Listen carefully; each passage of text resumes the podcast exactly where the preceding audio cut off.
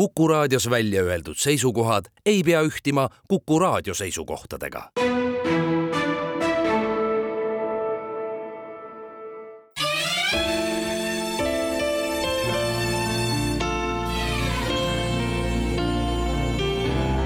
nädala raamat. Mart Kuldkepp, Põhjamaine Eesti, rahvusriigi sünd, kirjastuselt Varrak head kuulajad, Kuku selle nädala raamatuks, mille oleme ette võtnud, on Mart Kuldkepi kirjutatud äh, Põhjamaine Eesti rahvusriigi sünd. Mart Kuldkepp on sel nädalal ka meil saatekülaliseks, mina saatejuht Marek Strandberg ja peangi kohe algatuseks ütlema, et äh, olen väga võlutud sellest ajalooraamatust, mille käsitlus võrreldes väga paljude teiste Eesti ajaloo käsitlustega on meeldivalt neutraalne, kui seda üldse saab öelda ajaloo kohta ja selles mõttes nii-öelda sündmuste rohke ja ses osas ülimalt põnev lugemine. kaua selle raamatu materjalide ja kõige muu kogumine ja kirjutamine siis aega võttis? see võttis tõesti päris kaua aega, et äh, tegelikult äh, see raamat sellisel kujul, nagu ta nüüd on ilmunud, sisaldab omajagu tegelikult mul juba varem ilmunud tekst, et äh, peaaegu täiel määral sisaldab näiteks minu bakalaureusetööd, mis ma kaitsesin kaks tuhat kuus, siis ka magistritööd, doktoritööd, mitmesuguseid muid asju, mis ma olen vahepeal kirjutanud. et selles suhtes ta noh, võib öelda jah, läheb ikkagi ajast kaua tagasi aga siis selle konkreetse käsikirja ettevalmistamine võib-olla võttis niimoodi aasta kuni kaks. selles käsikirjas nagu su mainitud erinevaid töid, küll bakalaureuse, magistri ja doktoritööd ja muud sellist, seda nagu jõnksu seal vahepeal ei ole üldse tunda, et need oleks nagu erinevad tekstid, et see tundub olevat nagu üks tervikmõte või see ongi su nii-öelda ajaloolase stiil ja oskus juba ammust aega, et nii kirjutada või seal on ikkagi ka toimetamise ka vaeva nähtud? no eks ma natukene pidin muidugi vaeva nägema, et äh, neid asju kuidagi loogilisse seosesse panna ja päris palju oli ka sellist materjali, mida ma ei kasutanud ikkagi kokkuvõttes, et ma nüüd olen proovinud paralleelselt selle raamatuga ka neid äh, avaldada, neid ülejäänud juppe, et midagi ilmus äh, eelmisel aastal juba ja midagi peaks nüüd kohe tulema ka. aga jaa, et noh, eks võib-olla algusest peale tegemist oli mingis mõttes sellise intuitiivse uurimisprogrammiga, et kuidagi üks asi viis teiseni ja siis mulle hakkas tunduma, et tuleb nüüd muudkui edasi minna äh, uurimisega. Ja siis nüüd ma siis jõudsin välja sellise hetkeni, et võib-olla on võimalik seda kõike ühe tervikuna äh, esitleda ka äh, lugejale aga ma ei saa öelda, et päris algusest peale mul endal oleks ka selge olnud, mida ma seal õigesti, õieti teen või, või teha tahan, et see kuidagi pigem aja jooksul kujunes niimoodi välja. no see lähtekoht, äh, nagu me teame, äh, on Eestis selline, ma arvan, et vist siiamaani äh, kasutusel olev termin nagu vana hea Rootsi aeg. ma ei tea, kui paljud inimesed tänasel hetkel püüavad seda lahti mõtestada, seda aeg-ajalt olen kuulnud ütlemas inimesi ja ka noori inimesi, mis eriti huvitav. ja ma saan aru, et kogu see impulss ju saigi alguse sellest, et äh, kui Rootsi kaotas Põhjasõja ja siis siin sisse harjutatud muuhulgas ka Tartu Ülikooli asutanud kuninga stiil nii-öelda riiki valitseda, äh, lõppkokkuvõttes siis seitsmeteistkümnenda sajandiga minevikku paisati siis kaheksateistkümnendast sajandist on siin olnud Vene võim ja see meenutus Rootsi ajast on väga erinevatel inimestel ja kildkondadel väga erinev. ma kujutan ette, et aadel ei vaadanud selle vana hea Rootsi aja peale üldse nii hästi kui talupojad, kelle mälestusis oli ju lugusid kuningast äh, väga kauneid jah, eks ta on selline üks Eesti ajaloo klišeesid, et äh, vana hea Rootsi aeg samamoodi nagu muistne vabadusvõitlus ja mis meil kõik on ja kui palju inimesed sellest nüüd täpselt teavad või ei tea, aga kindlasti kõik on seda kuulnud. ja tõepoolest võib arvata, et ilmselt ikkagi see kaheksateistkümnenda sajandi nii-öelda halb Vene aeg oli see, mis seda mälestust heast Rootsi ajast eelkõige vormis. aga tõepoolest, et seda siis peamiselt just talupoegkonna seas ja ma isegi võib-olla pean võimalikuks väita, et tegemist on sellise ühe varasema ajaloopoliitilise seisukohaga, mis kuidagi selgelt demonstreerib, et ütleme jah, eestlastel ja siis äh, ka lätlastel ühelt poolt ja siis teiselt poolt baltisakslastel on ikkagi erinev ajaloo käsitlus, erinev arusaam sellest, et mis on hea ja mis on halb äh, nende ajaloos. Sest baltisakslaste puhul võib öelda, et mingis mõttes nad Rootsi aega küll hindasid, näiteks seda, et et Rootsi eestvedamisel oli see piirkond ikkagi protestantlikuks jäänud, mitte ei olnud siis kuidagi sattunud püsivalt kas siis katoliikliku Poola või õigeuskliku Vene mõjuvõimu alla ja samuti osati hinnati, hinnata muidugi Tartu Ülikooli asutamist ja nii edasi. aga siis äh, jah, et see mõisate reduktsioon tuhande kuuesaja kaheksakümnendatel aastatel oli neil ikkagi väga sellise valusa ebaõiglusena meeles ja no ja samas oli kuningal vaja sõdida ja tal oli varasid vaja ja nii lihtsalt see läks jah, et äh, tollel ajal tegelikult jah, Rootsis õnnestus kehtestada absolutistlik kuningavõim, et kuningale anti selline võimu täius kätte, mis võimaldas tal teha, mis ta tahtis. ja esimese asjana siis võttis ta jah, aadlikelt üsna suure osa nende varadest ära ometi nii-öelda see selline polarisatsioon ehk nii-öelda talurahva ja ja aadelkonna polarisatsioon, et kas sa julged öelda, et Eh, ka neid lugusid vaadates on ju näha, et see kuidagi võbeleb selline, selline lihtsama rahva, talupoegade järglaste tõmme Rootsi poole, Põhjamaade poole sellest ajast saati. varasemast ajast ilmselt meil ei ole mingit kinnitust selle kohta, et me oleks iseenda identiteeti kuidagi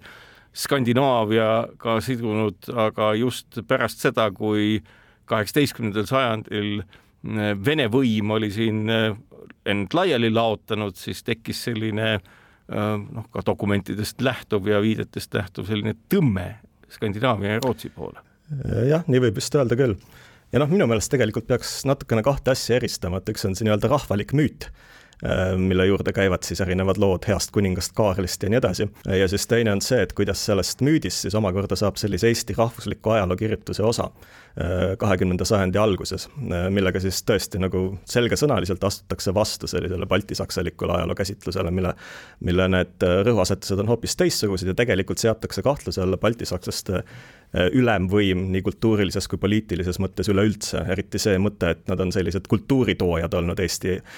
Eesti ja noh, üldse äh, suurematele Balti aladele, vaid äh, mida eestlased siis omalt poolt väitsid kahekümnenda sajandi alguses, esimesed ajaloolased eestlaste seas, oli just see, et Rootsi ajal olid need tsivilisatsiooni side, äh, need noh,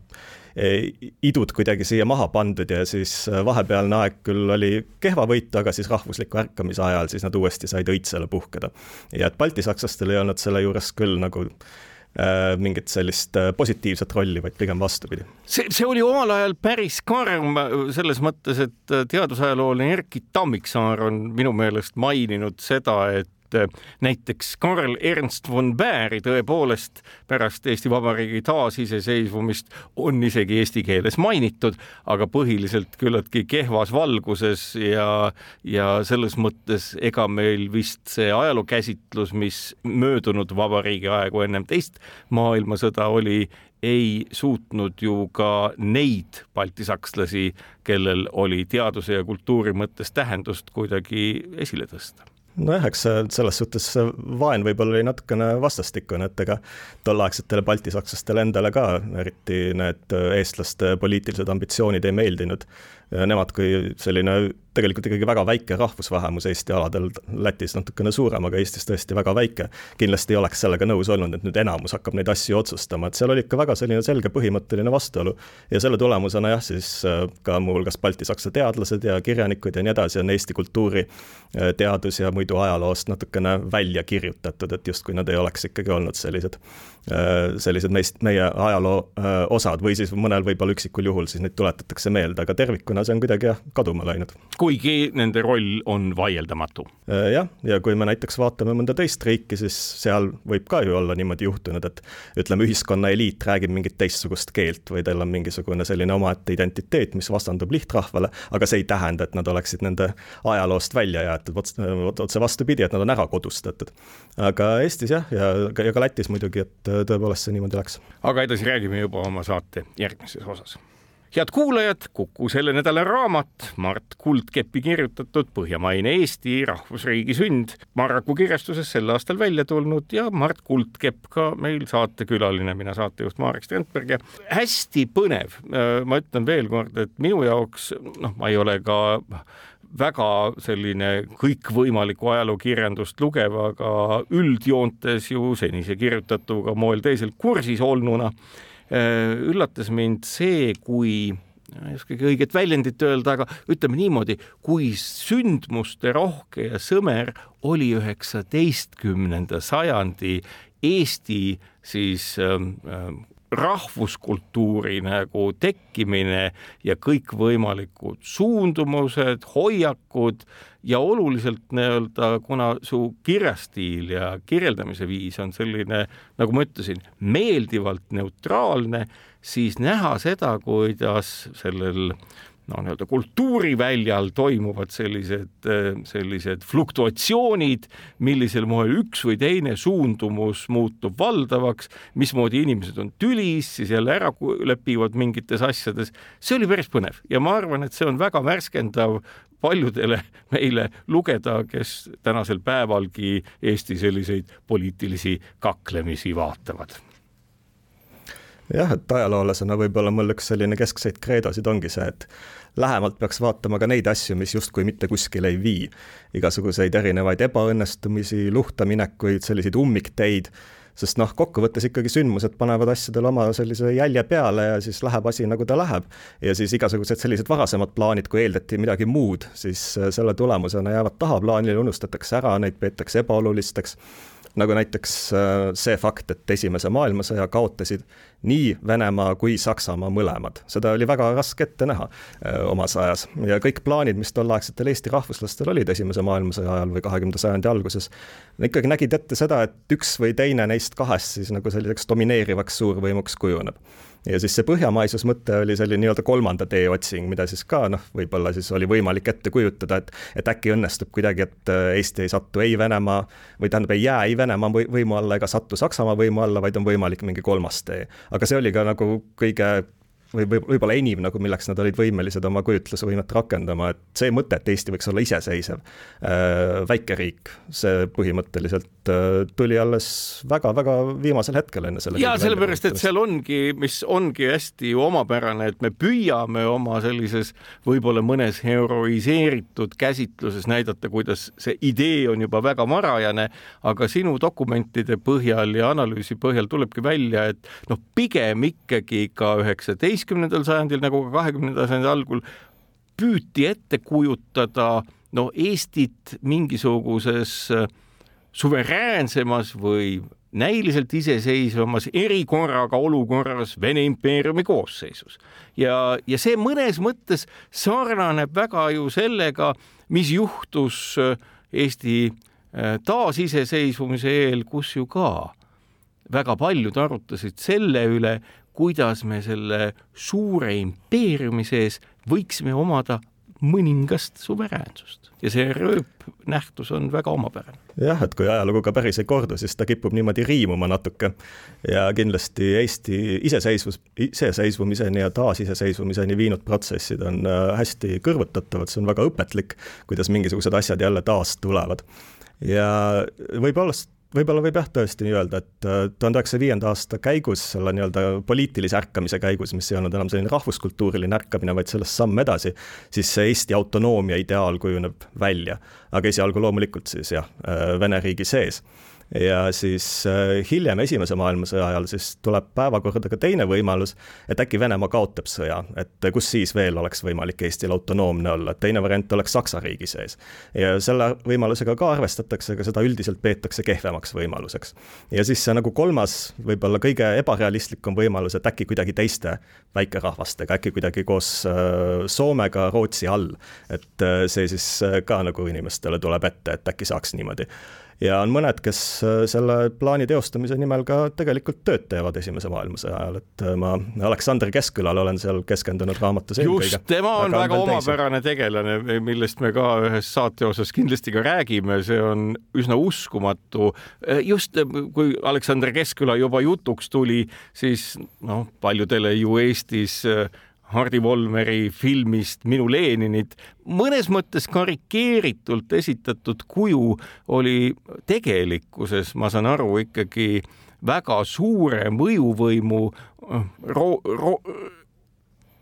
retooriliste oskuste ja kombineerimisvõimega tegelane. kuidas ta on, kas ta sinu hinnangul tekitas mingeid laineid, mis mõned ilmselt kustusid, aga mõnest midagi ka sai? Keskelaga on selline huvitav lugu jah, et äh, temast Eesti ajaloos on natukene valesti aru saadud. Äh, või isegi mitte ainult Eesti ajaloos, vaid maailma ajaloos on temast valesti aru saadud, aga see on oluline, sellepärast et maailma ajalooline roll on tal täiesti olemas.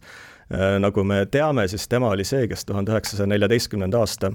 sügisel esimesena tutvustas Saksa ametivõimudele Leninit kui inimest, kes ainsana Vene revolutsionääride liidritest on tegelikult võima-, võimeline Venemaal revolutsiooni toime panema sest kõik teised Keskküla hinnangul, mis ilmselt oli tõsi, olid nii-öelda sotsiaal äh,, sotsiaalpatrioodid, et äh, nemad ikkagi tahtsid Venemaa võitu, aga Lenin oli ainuke, kes oli valmis Venemaa kaot-, äh, Venemaa sõja kaotusega äh, leppima. ja selles mõttes, et just tema neid äh, mõtteid vahendas Saksa ametivõimudele ja neile Leninit tutvustas, sellest me võime siis äh, näha seda poliitikat hargnemas, mis lõpuks viib Brest-Litovski rahulepinguni ja millele eelnes siis äh, Lenini ja teiste juhtivate enamlaste Venemaale tagasisaatmine oma Šveitsi pagulusest ja siis äh, nende äh, võimuletulek, et veebruarirevolutsioon õnnestub neil ära kaaperdada ja siis ise oktoobrirevolutsiooni käigus võimule tulla aga tegelikult, mis on Keskküla juures oluline, on see, et see ei olnud mingi tema lõppeesmärk, et tema tegelik plaan oli laiem, oli seotud konkreetselt Eestiga, ta ei olnud Saksa agent, kes oli puhtalt lihtsalt vahendajaks Lenini ja sakslaste ta vahel. ta oli oportunist, ma saan aru, ta kasutas võimalusi ära nii palju, kui oskas. jah, aga tal oli oma plaan, mis, et mis seda kõike raamistas, et äh, tema käsitlus asjast oli selline, et Venemaa peab lagunema mööda oma etnilisi piire, piirirahvad peavad äh, saama mingisuguse vabaduse, võib-olla mitte iseseisvuse, aga mingisuguse vabanemise Venemaa, Venemaa küljest peavad nad äh, kätte võitma. ja siis ülejäänud Venemaal siis tuleb tekitada kaos, tuleb toime panna revolutsioon, et Venemaa siis oleks äh, nii-öelda auti lükatud äh, mõneks aastakümneks vähemalt ja siis sellised rahvad nagu eestlased, leedukad, ukrainlased, kes nad kõik olid, saaksid vahepeal jõudu koguda ja siis ehitada juba sellise püsiva kaitsevalli Venemaa vastu aga see, et Lenini asjaga seotud oli see noh, kokkuvõttes oli selline natukene juhus, et ega Keskküla ka ju ei osanud ette näha, kuidas see kõik välja kukub. huvitaval moel me oleme, kui ma lugesin seda, siis äh, täpselt seesama mõte, mida sa siin välja tõid Keskküla rollist, et me oleme tänasel hetkel ju täpselt samasuguses olukorras, et me tegelikult väga tahaks, et Venemaa koosneks väiksematest autonoomsematest tükkidest ilma sellise tsentraalse despootliku ja sotsiopaatilise võimu vertikaalita. kas see unistus võib kunagi teostuda, millest Keskküla rääkis? noh, kui nüüd vaadata Vene, Venemaa ajalugu, siis eks ta niimoodi järgemööda on lagunenud tõesti, et sellel ajal siis, kui tsaaririiki lagundama hakati, oli ta ikka oluliselt suurem, et sinna muuhulgas kuulus ka näiteks Soome ja muud sellised alad, mida enam Venemaaga võib-olla ei seostatagi ja siis äh, omakorda ta siis äh, lagunes Esimese maailmasõja äh, lõpujärgus ja siis ta lagunes äh, ka külma sõja lõpujärgus ja seda, kas ta veel edasi laguneb, seda äh, raske on ette ennustada, aga kindlasti ajaloolised pretsedendid on olemas, et see niimoodi minna võib. aga noh, loomulikult Keskküla selline programm põhiosas jäi ikkagi teostumata, et äh, ta äh, nägi ette seda, et kui Venemaa laguneb, siis selle Venemaa lagundaja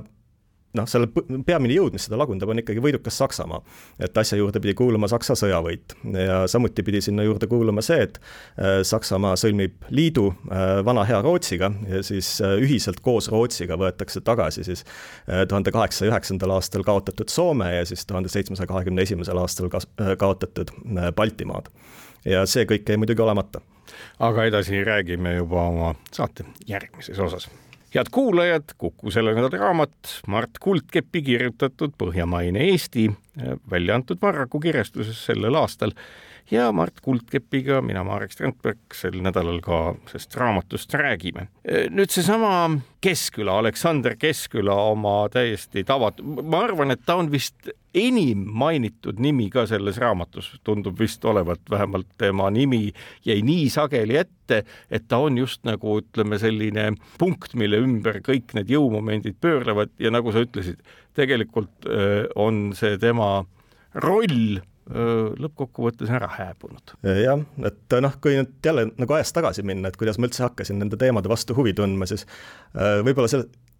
esialgne müsteerium oligi minu jaoks ja tegelikult siiamaani äh, võib-olla on äh, Keskkülast arusaamine, et äh, see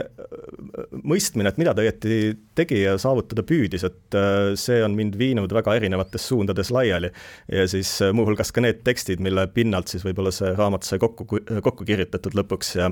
ja noh, muidugi seal on ka materjali, mida varem ei ole ilmunud et, et seal nagu Keskküla alati ühel või teisel moel oli kuidagi pildis, et kui ta ei olnud ka keskne tegelane, siis ta, siis ta kuskil ääre peal ikka oli olemas ja võib-olla siis kokkuvõttes seda kuju, seda, teda saigi sinna väga palju.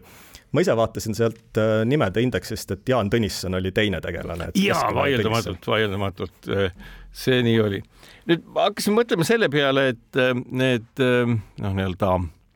teisejärgulised või inimesed, kes nagu ajaloo annaalides ei ole niivõrd kangelasteks kirjutatud sellises tavalises ajaloo käsitluses, nad on ju päris põnevad, et selles mõttes, et äh, hakkasin mõtlema just ühe filmi peale, mis siin hiljaaegu ju jooksis, Oppenheimer. No mis oli ju ka tegelikult tegelasest, kes ei olnud, oli küll dominantne, aga samuti liikus jõuliselt läbi ajaloo areeni ja füüsikaareeni ja siis ka erinevatel põhjustel hääbus, neutraliseeriti või mis iganes. huvitav, et kas äh, näiteks sedasama režissööri Nolanit võiks köita seesama Lenini küsimus, et kas talt võiks näiteks sinu visioonis, sellepärast et see raamat on väga sellise noh, kuidas ma ütlen, stsenaariumi küpselt kirjutatud, oodata näiteks filmi Keskküla jah, võib-olla ta vääriks seda, et äh, kindlasti selliseid dramaatilisi hetki tema elus oli ja Keskküla ise ka väga dramatiseeris oma elu, et kui, kui lugeda tema äh, mälestusi, et eelmisel aastal ma ajakirjas, äh, Akadeemia ajakirjas Tuna äh, avaldasin mõned tema mälestuskatked, mis on, mis on säilinud siis ta ka näeb ennast sellise ütleme, osava manipulaatorina kuskil kulisside taga tegutsejana, ta nimetab ennast halliks kardinaliks mitmeid kordi tuleb muidugi meeles pidada seda, et Keskküla oli ju vana enamlane, et äh, tuhande üheksasaja viienda aasta revolutsiooni ajal tema oli Eesti niinimetatud intelligentidest ainukene, kes ennast enamlaseks nimetas. kõik teised olid sotsiaaldemokraadid, äh, föderalistid, tsentralistid, ikka menševikud, et tema oli enamlane ja siis äh, enamluse juurde kuulub selline nagu autoritaarsus, mis Keskküla kindlasti iseloomustas, samuti ülim konspiratiivsus, et mitte nagu ise kuskile esile tükkida, vaid kuidagi sündmusi dirigeerida niimoodi distantsilt, et keegi aru ei saa, mis toimuks ja see, see meeldis talle üliväga, et äh, seda, seda noh, nii palju, kui ta siis seda äh, ise, ise mõtestas enda jaoks, et nii ta seda ajaloo muutmist harrastas ja siis äh, osaliselt selle tõttu temast on ka natuke vähe teada, sest äh, ta ei pidanud mingit päevikut või ei kirjutanud väga täpselt üles, et mida ta siis korda saatis, sest kõik see käis ju konspiratsioonireeglite vastu. ma mõtlen veel ühte asja, et äh, su teos ju ma ei ütle, et kubiseb, aga seal on ju samalaadseid tegelasi veel teisigi, noh, kellest võib-olla ka jälge on vähemaks jäänud, aga see, mis ütlen veel kord, lugenuna selle raamatu juures kõige enam köidab, ongi see, et see on üsna kaasaegne sotsiaalses mõttes või ütleme, sotsiaalmehaanika mõttes selline kirjeldus, mis lähtubki sellest, et ega üksikisikut, üksikut objekti ilma teisteta ju ei olegi olemas. ei ole olemas noh, nii-öelda ühe inimese tahet, on olemas kõik need tahted, kõik need ambitsioonid ju kontekstis, vastasmõjudes ja selles mõttes on see raamat hästi põnev. kas sa pidasid ka silmas just nimelt sedasama vastasmõjude pidevat näitamist, mis annab ajaloost hoopis parema, selgema ülevaate ja ei nõua kogu aeg mingite poolte valimist? ma püüdsin jah, niimoodi noh, vahel ajaloolased ütlevad, et äh, rahvusüleselt või transnatsionaalselt kirjutada. et mitte rääkida ainult sellest, mida eestlased tahtsid, vaid rääkida ka sellest, mida tahtsid rootslased ja mitte ainult lihtsalt rootslased, vaid ka erinevad rootslased erinevate poliitiliste eesmärkidega, seal oli ka mingisugune oma selline seltskond, kes pooldas äh, Esimeses maailmasõjas Saksamaaga liitumist ja pooldas Soome tagasivõtmist ja siis tekkisid küsimused, et, et kas ikkagi nagu Eesti ja Läti ka või mitte, et see on juba, see on juba natukene selline äh, edasimõtlemist nõudev teema nende jaoks. aga siis muidugi muidugi jah, et igasugused nii-öelda siis Saksa imperialistid, aga ka Saksa sotsiaaldemokraadid, Vene imperialistid, Vene sotsiaaldemokraadid, enamlased, kõigil neil oli mingisugune oma eesmärk selles sõjas ja kõik nad püüdsid midagi saavutada. tihti need eesmärgid ei olnud nagu üksteisega päris kooskõlas, küll aga neil kõigil oli, neile kõigil oli omane võib-olla selline oportunism, et tunnetati sõda sellise ajana, kui on võimalik midagi korda saata, et sõda on võimalik ära kasutada. et see on nüüd just see hetk, kui kuidagi õnnestub mingisugused noh, õnnestub jää liikuma panna, eks ole ja siis äh, selliseid taktikalisi liite tollel ajal on igasuguseid erinevaid, et äh, enamlased teevad sakslastega koostööd, Keskküla teeb sakslastega koostööd, hiljem Keskküla teeb prantslastega koostööd äh, ja nii edasi ja siis see on ka üks põhjus, miks noh, siis teised eestlased Keskkülast aru ei saa, et ta tundub neile selline väga kahtlane isik, et esiteks ta ei räägi, mis ta on teinud ja teiseks tal on igal pool mingid sellised sidemed, et ilmselgelt mingisugune agent või spioon. Ja siis selle tõttu teda ei usaldatud ka aga minu meelest on jah oluline näidata kõikide tegijate motivatsiooni ja muuhulgas ka nende omi, kes on kiunustatud, sellepärast et nende valitud tee kokkuvõttes mitte kuskile ei viinud. kuigi jällegi protsessi mõttes on nad möödapääsmatud ja mis minu meelest on hästi selline selgelt välja toodud, on see, kui asümmeetriline iseenesest eestlaste äh, varasemalt, eks ole, niimoodi sõmeralt laiali paiknenud, hiljem nii-öelda siis riigi moodustunutena on siis hoiakud Rootsi ja Skandinaavia suhtes ja rootslaste hoiakud Eesti suhtes. Ehk et, et piltlikult öeldes see rootslaste poolehoid eestlaste suhtes tuli mõnes mõttes nagu, nagu väga pika hambaga, väga sellisel kõhkleval moel, et noh, jah, ja, ja see ei olnud üldse nagu sümmeetriline sümpaatia see tuli suurt, no tuli su suurema osa rootslaste jaoks sellise suure üllatusena, et et oh. mingisugune vana Rootsi aeg on olnud ja et üldse siin Eestis mingid eestlased elavad, sellest nad ei teadnud tegelikult väga midagi, sellepärast et nende meelest kõik olid ikka venelased ju. et üld, üldiselt nagu jah, Rootsi oli selline äh, noh, välispoliitiliselt mitte nüüd üleliia aktiivne, eriti väheaktiivne kuidagi ida suunal. Ja teadmised äh, Eestist ja eestlastest olid väga madalad. Ja siis, kui ühel hetkel tuleb sinu juurde keegi palvega, et kas sa nüüd ei hakkaks meie kuningaks ja ei, ei, ei võtaks meid oma, oma tiiva alla, siis äh, väga noh, ütleme mõistetavatel põhjustel võib-olla selle, äh, sellega nii entusiastlikult kaasa ei mindud. ja teine asi on muidugi see, et rootslastel endal võib-olla noh, mõned sellised ringkonnad välja arvatud, puudus selline imperialistlik mõtlemine või puudus selline äh, suur riigi identiteet sellel hetkel, et nad pigem ennast nägid just selliste äh, rahvusvaheliste tõmbetuulte mängukannina ja mõtlesid selle peale, et kuidas nemad suud-, äh, suudavad seal äh, Saksamaa ja Venemaa vahel manööverdada ja nii edasi, et noh, päris nagu üheselt see nii ei olnud, et seal oli ka mingeid näiteid selle kohta, kui nad püüdsid ise midagi korda saata. aga kindlasti neil ei olnud valmisolekut sellisteks suurejoonelisteks välispoliitilisteks avantüürideks, nagu oleks olnud koos Saksamaaga esimesse maailmasõtta minek ja siis Baltikumi tagasi vallutamine aga edasi räägime juba saate järgmises osas. Head kuulajad, Kuku selle nädala raamat Mart Kuldkepi kirjutatud Põhjamaine Eesti rahvusriigi sünd. Marraku kirjastuselt sel aastal välja tulnud, mina saatejuht Mark Strandberg, Mart Kuldkepiga ka sellest raamatust räägin. kui me võtame sellesama nii-öelda kogu selle iseseisvumise ja rahvusliku eneseteadvuse tekke, noh, mis on olnud selline äh, keemine ja pulbitsemine siin Euroopa ja meie enda kultuuriruumis ja Balti kultuuriruumis, siis ometi me jõuame lõppkokkuvõttes ikkagi välja sinna, et äh, nagu väga paljude muude globaalsete protsesside puhul juba üheksa, kahekümnenda sajandi algupoole olid ikkagi Ameerika Ühendriigid need, kust tuli jõuline definitsioon selle kohta, millised need nii-öelda rahvuse enesemääramise piirid ja võimalused on noh, tegelikult neid definitsioone oli rohkem ka, et äh, see Wilsoni tuhande üheksasaja kaheksateistkümnenda aasta nii-öelda neljateistkümne punkti kõne on tõesti kõige Äh, kuulsam näide selle kohta, äh, seal räägiti jah, rahvuslikust enesemääramisest ja toodi ka konkreetne näide Poola äh, riigi kohta, kellel seda ei olnud olnud ja kellele see tuli nüüd anda. ja siis muidugi ka teiste seas eestlased hakkasid mõtlema, et aga mis siis meil ja Poolal nii väga erinevat on. aga kindlasti noh, päris ilma pikemata ka Woodrow Wilsoni meelest see enesemääramis küsimus ei pidanud käima ülejäänud Venemaa kohta, mis tema jaoks ikkagi pidi säilima sellise ühtse Venemaana aga küll oli olemas äh, enamlaste äh, enesemääramise äh,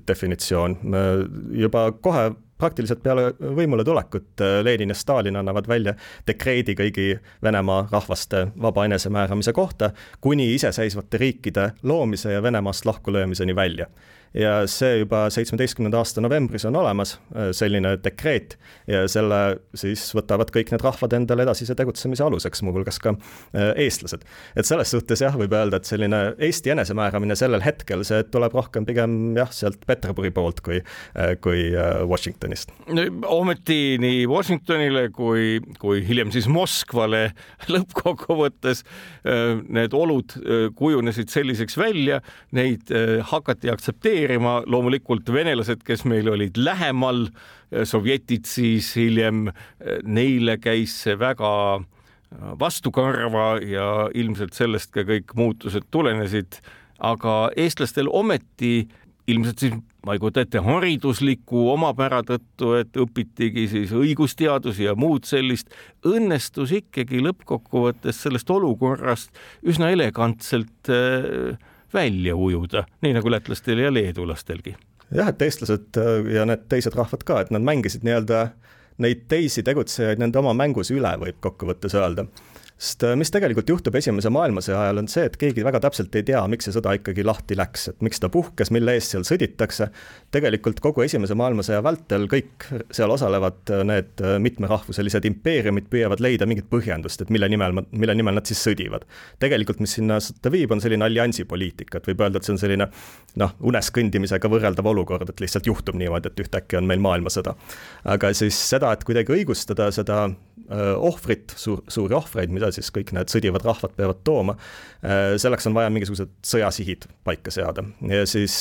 erinevad riigid Esimese maailmasõja ajal hakkavad ennast siis välja käima selliste teiste rahvaste õiguste kaitsjatena. ja see on väga selline võimas retoorika, et sellega näiteks Saksamaal õnnestub Venemaad hakata murendama kuskilt sealt nii-öelda tagalast peale, hakata tegema koostööd selliste allasurutud Venemaa võõrrahvastega teiste, teiste seas. noh, oleksid võinud ka eestlased nende hulka kuuluda, aga eestlastele väga selline Saksa võim ei meeldinud, et neid koostöötegijaid oli pigem vähe ja siis vastupidi ka, et äh, sakslased jälle noh, kuskil seal äh, Araabia maades proovisid jälle, jälle siis Suurbritannia vastu neid kohalikke rahvaid üles ässitada ja nii edasi. ja, ja samamoodi teised need riigid äh, sarnaselt. ja siis äh, maailmasõja lõpujärguks oldi jõutud umbes sellisesse seisu, et rahvusliku enesemääramise idee oli nagu üldiselt omaks võetud ja aga seda võeti omaks niimoodi küünilisel moel, et seda kasutati propagandarelvana vaenlase vastu ja Lenini jaoks ka ja Stalini jaoks äh, enesemääramise idee oli põhimõtteliselt propagandarelv, millega ära nullida igasugused rahvusliku äh, eraldumise püüded, öelda, et jah, et teil on selleks õigus, aga kas te ikka päriselt tahate seda, et mõelge järele. ja, ja siis muidugi sinna juurde kuulus ka see, et tegelikult ikkagi ainult töölisklassil on see enesemääramise õigus, mitte nagu sellistel kodanlastel, nagu, nagu nad Eestis siis äh, pukis olid tollel ajal. Ja samamoodi ka noh, Saksamaa ei saanud sellest äh, jutust mööda minna, et äh, kui Eestis oli tuhande üheksasaja kaheksateistkümnendal aastal Saksa okupatsioon, siis ka ei saanud lihtsalt ilma pikemata neid alasid Saksamaa külge annekteerida, vaid tuli luua mingisugune Balti hertsogiriigi nimeline fiktsioon, äh, selline justkui satelliitriik Saksamaa külge. aga siis needsamad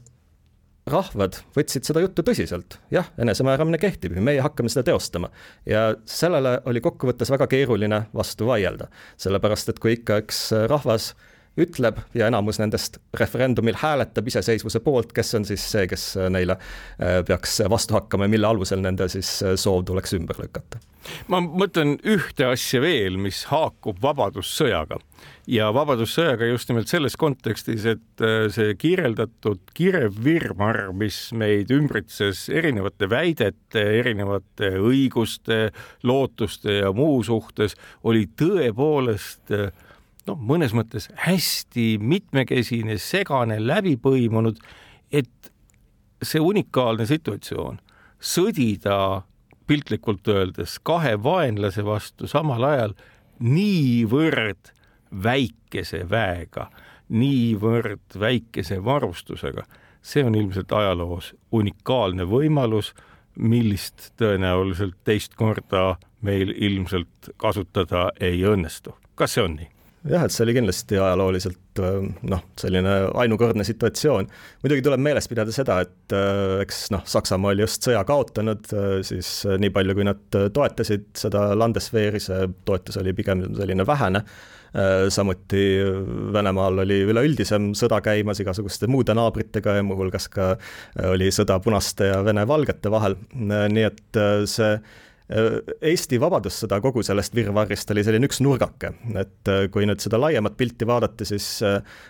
võib-olla see et nagu ühes nurgas õnnestus äh, eestlastel peale jääda, et see nagu terviku seisukohalt ei, ei, ei tundugi nii, nii ootamatu olukord. Äh, küll aga noh, fakt on see, et äh, Eesti riik oli esimene, mis tegi Nõukogude Venemaaga rahu ja selles mõttes murdis bolševismi vastase ühisrinde globaalsel tasandil, et just sealt siis nii-öelda see enamlaste võimu põlistumine peale hakkas Venemaal. Ja kokkuvõttes on selge, et ega Eesti Vabariik ei oleks saanud sündida, kui ei oleks olnud Saksamaa sõjakaotust ja oktoobrirevolutsiooni Venemaal ja kogu see nii-öelda, mõtlengi just nimelt selles mõttes, et tavaliselt sellises äh, iseseisvuskäsitluses Eestis kõik need taustad ei ole nii selgelt väljas, kui jälle veel kord kiites su raamatut, äh, see juhuse roll ja juhuse õige äratabamise roll näib olevat väga keskne kogu ajaloo käsitluses, ka Eesti ajaloo käsitluses. jah, ma võib-olla tahaks rõhutada, et äh, ma siiski kindlasti ei taha jätta muljet, et selline noh, et inimene ongi mingisugune juhuse mängukandja, et äh, ei, ei, mitte seda kõik..., mitte seda, absoluutselt mitte seda mm. -hmm. vaid pigem just et, et... jah, seda, et, et, et me ise kujundame, mõjutame olusid teistega vastastikuses suhtes olles ja meil on põhjust alati olla väga tähelepanelik, kus see mõra, auk või läbipääsutee on Äh, just nimelt jah, et selline eestlaste agentsus mingitel teatud olulistel hetkedel on väga tähtis olnud. Ja mitte ainult tähtis Eesti jaoks, vaid ka rahvusvaheliselt tähtis, et seda võiks, võiks võib-olla natukene rohkem teadvustada, et äh, kõigil neil otsustel, mis on olnud, mis on toonud Eestile kasu, neil on olnud oma selline laiem regionaalne ja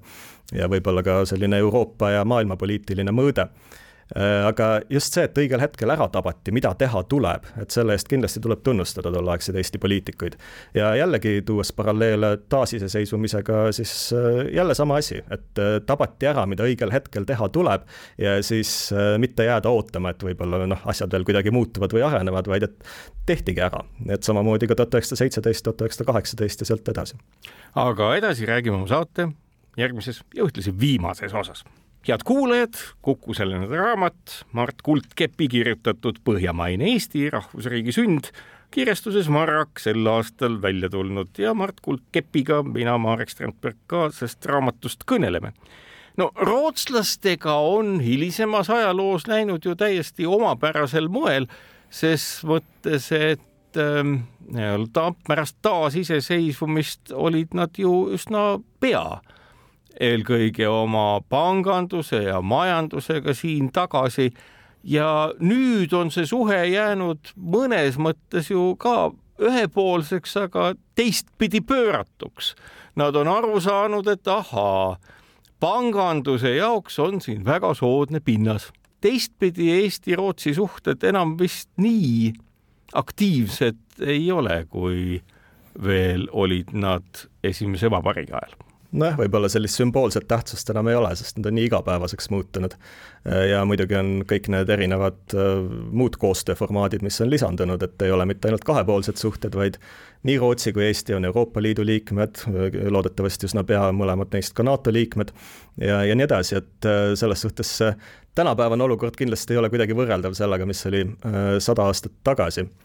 aga jah, et mul on, mul on üks artikkel tegelikult, mis äh, ilmus nüüd äh, kaks tuhat kuusteist, kui ma ei eksi, ajaloolises ajakirjas, äh, teemal, et mille poolest erines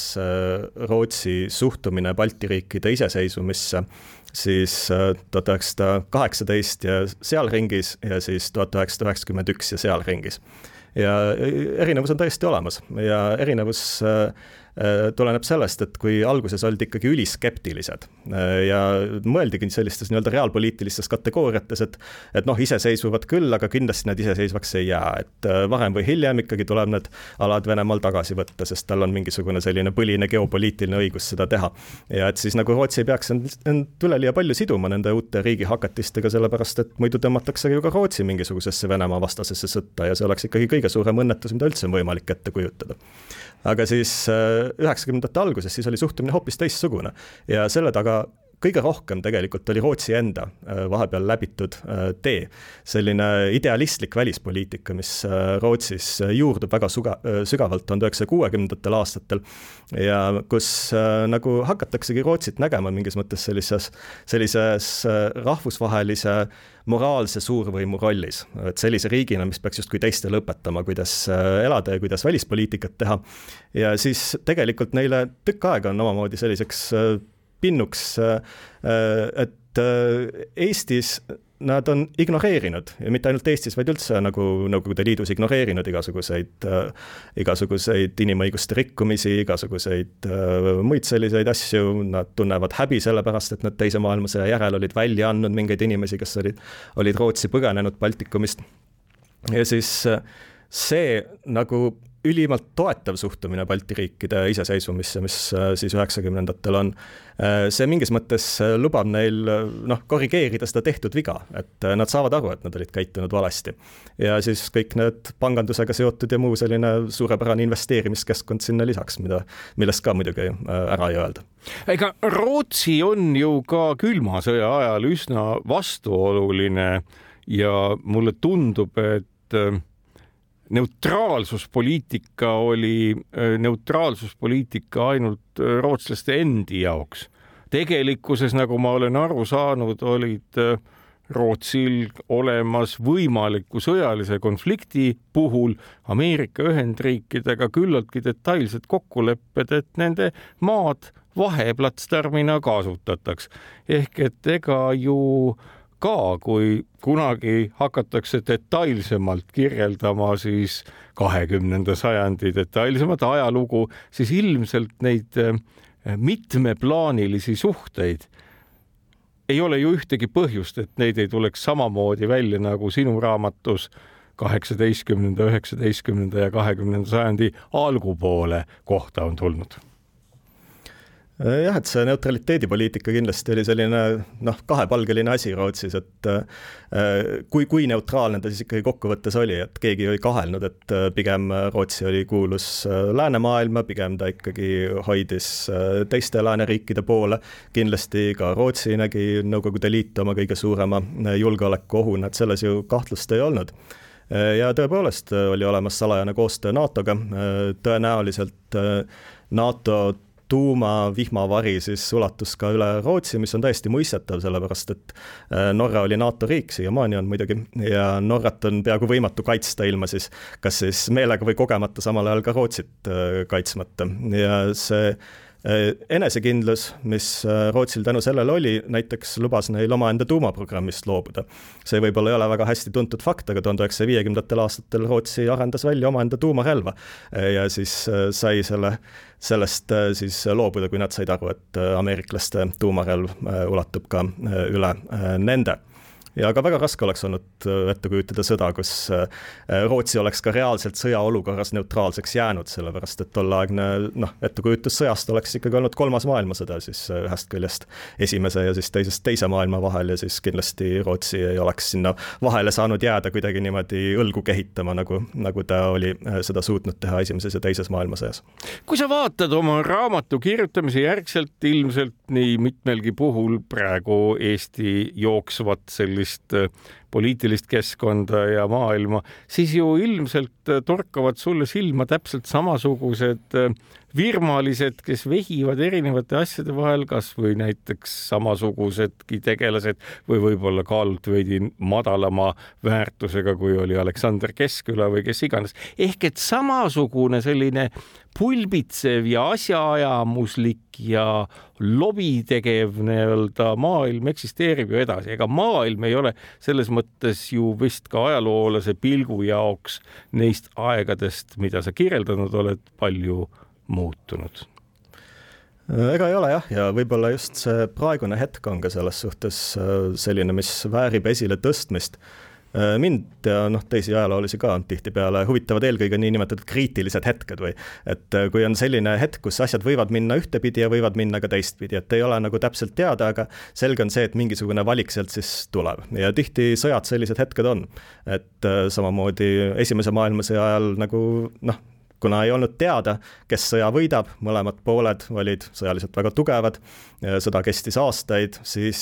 tekkisidki erinevad tulevikuvisioonid ja stsenaariumid ja isegi sellised mõtted, mille peale nagu enne sõja algust ei oleks juletud mõt-, mõteldagi, et, et selline asi võiks ka võimalik olla, siis kuidagi sõja ajal saavad sellise uue tõsiseltvõetavuse. et muuhulgas ka see mõte Eesti äh, liitumisest Rootsiga. et enne tuhande üheksasaja neljateistkümnendat aastat, kui Eesti oli Tsaari-Venemaa koosseisus selline vene, põline vene ala, siis äh, oleks ikka väga keeruline nagu olnud ette kujutada, et kuidas see peaks äh, toimuma, aga sõda lööb alati kaardid segamini. ja praegu, kui me elame ka sõja ajal, siis samamoodi kaardid on natukene segamini löödud ja täpselt samamoodi valitseb teadmatus, et mis siis ikkagi edasi saab et on nii äh, pessimistlikumaid tulevikustsenaariume kui ka mõningaid optimistlikumaid ja praegu need optimistlikumad võib-olla natukene varju jäänud, sest äh, noh, ikka on olnud nagu lihtsam tulevikku tumedates äh, värvides näha, aga kui me mõtleme tagasi eestlaste kogemusele tuhat üheksasada seitseteist, kaheksateist, siis kokkuvõttes tuldi ikkagi väga puhtalt sellest väga keerulisest olukorrast välja. tollel ajal arvati, et eestlased satuvadki Saksa võimu alla või siis enamlaste võimu alla ja niimoodi lihtsalt jääbki.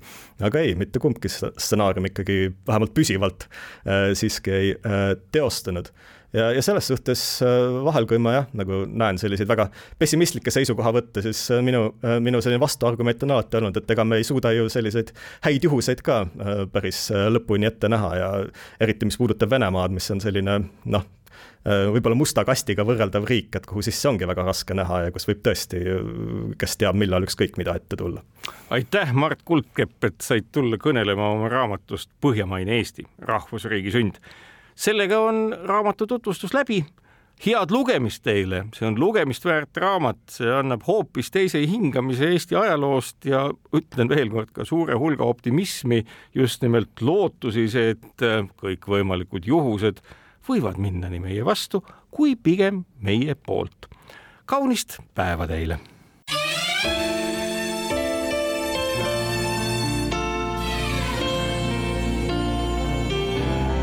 nädala raamat. Mart Kuldkepp, Põhjamaine Eesti, rahvusriigi sünd, kirjastuselt Varrak